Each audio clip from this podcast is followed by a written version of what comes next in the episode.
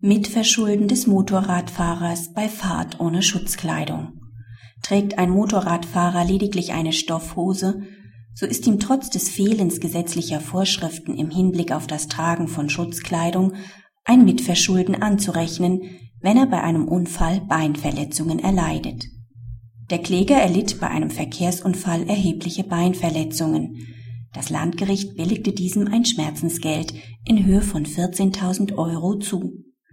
Die vom Kläger eingelegte Berufung wurde vom Oberlandesgericht verworfen. Den Kläger trifft insoweit ein Mitverschulden, als er an den Beinen keine Schutzkleidung getragen hat. Er war lediglich mit einer Stoffhose bekleidet.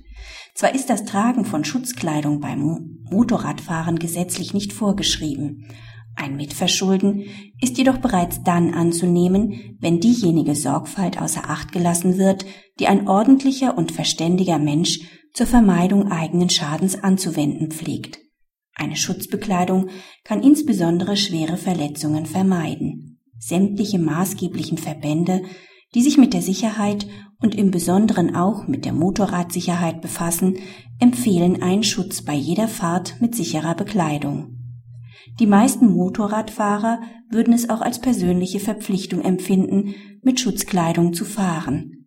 Schließlich weiß jeder, dass das Fahren ohne Schutzkleidung ein vielfach höheres Verletzungsrisiko in sich birgt. Da der Kläger auf das Tragen einer Schutzkleidung ausgerechnet an den Beinen also dort, wo die Verletzungsgefahr am größten ist, verzichtet hat, ist ihm ein Mitverschulden anzurechnen.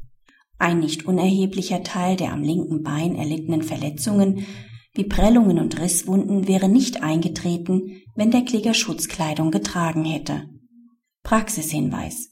Das Oberlandesgericht weist zutreffend darauf hin, dass ein Mitverschulden nicht allein davon abhängt, ob gegen gesetzliche Sicherheitsvorschriften verstoßen wird ist offensichtlich, dass durch das Tragen von Schutzkleidung die eingetretenen Verletzungen hätten vermieden werden können, ist die Annahme eines Mitverschuldens gerechtfertigt.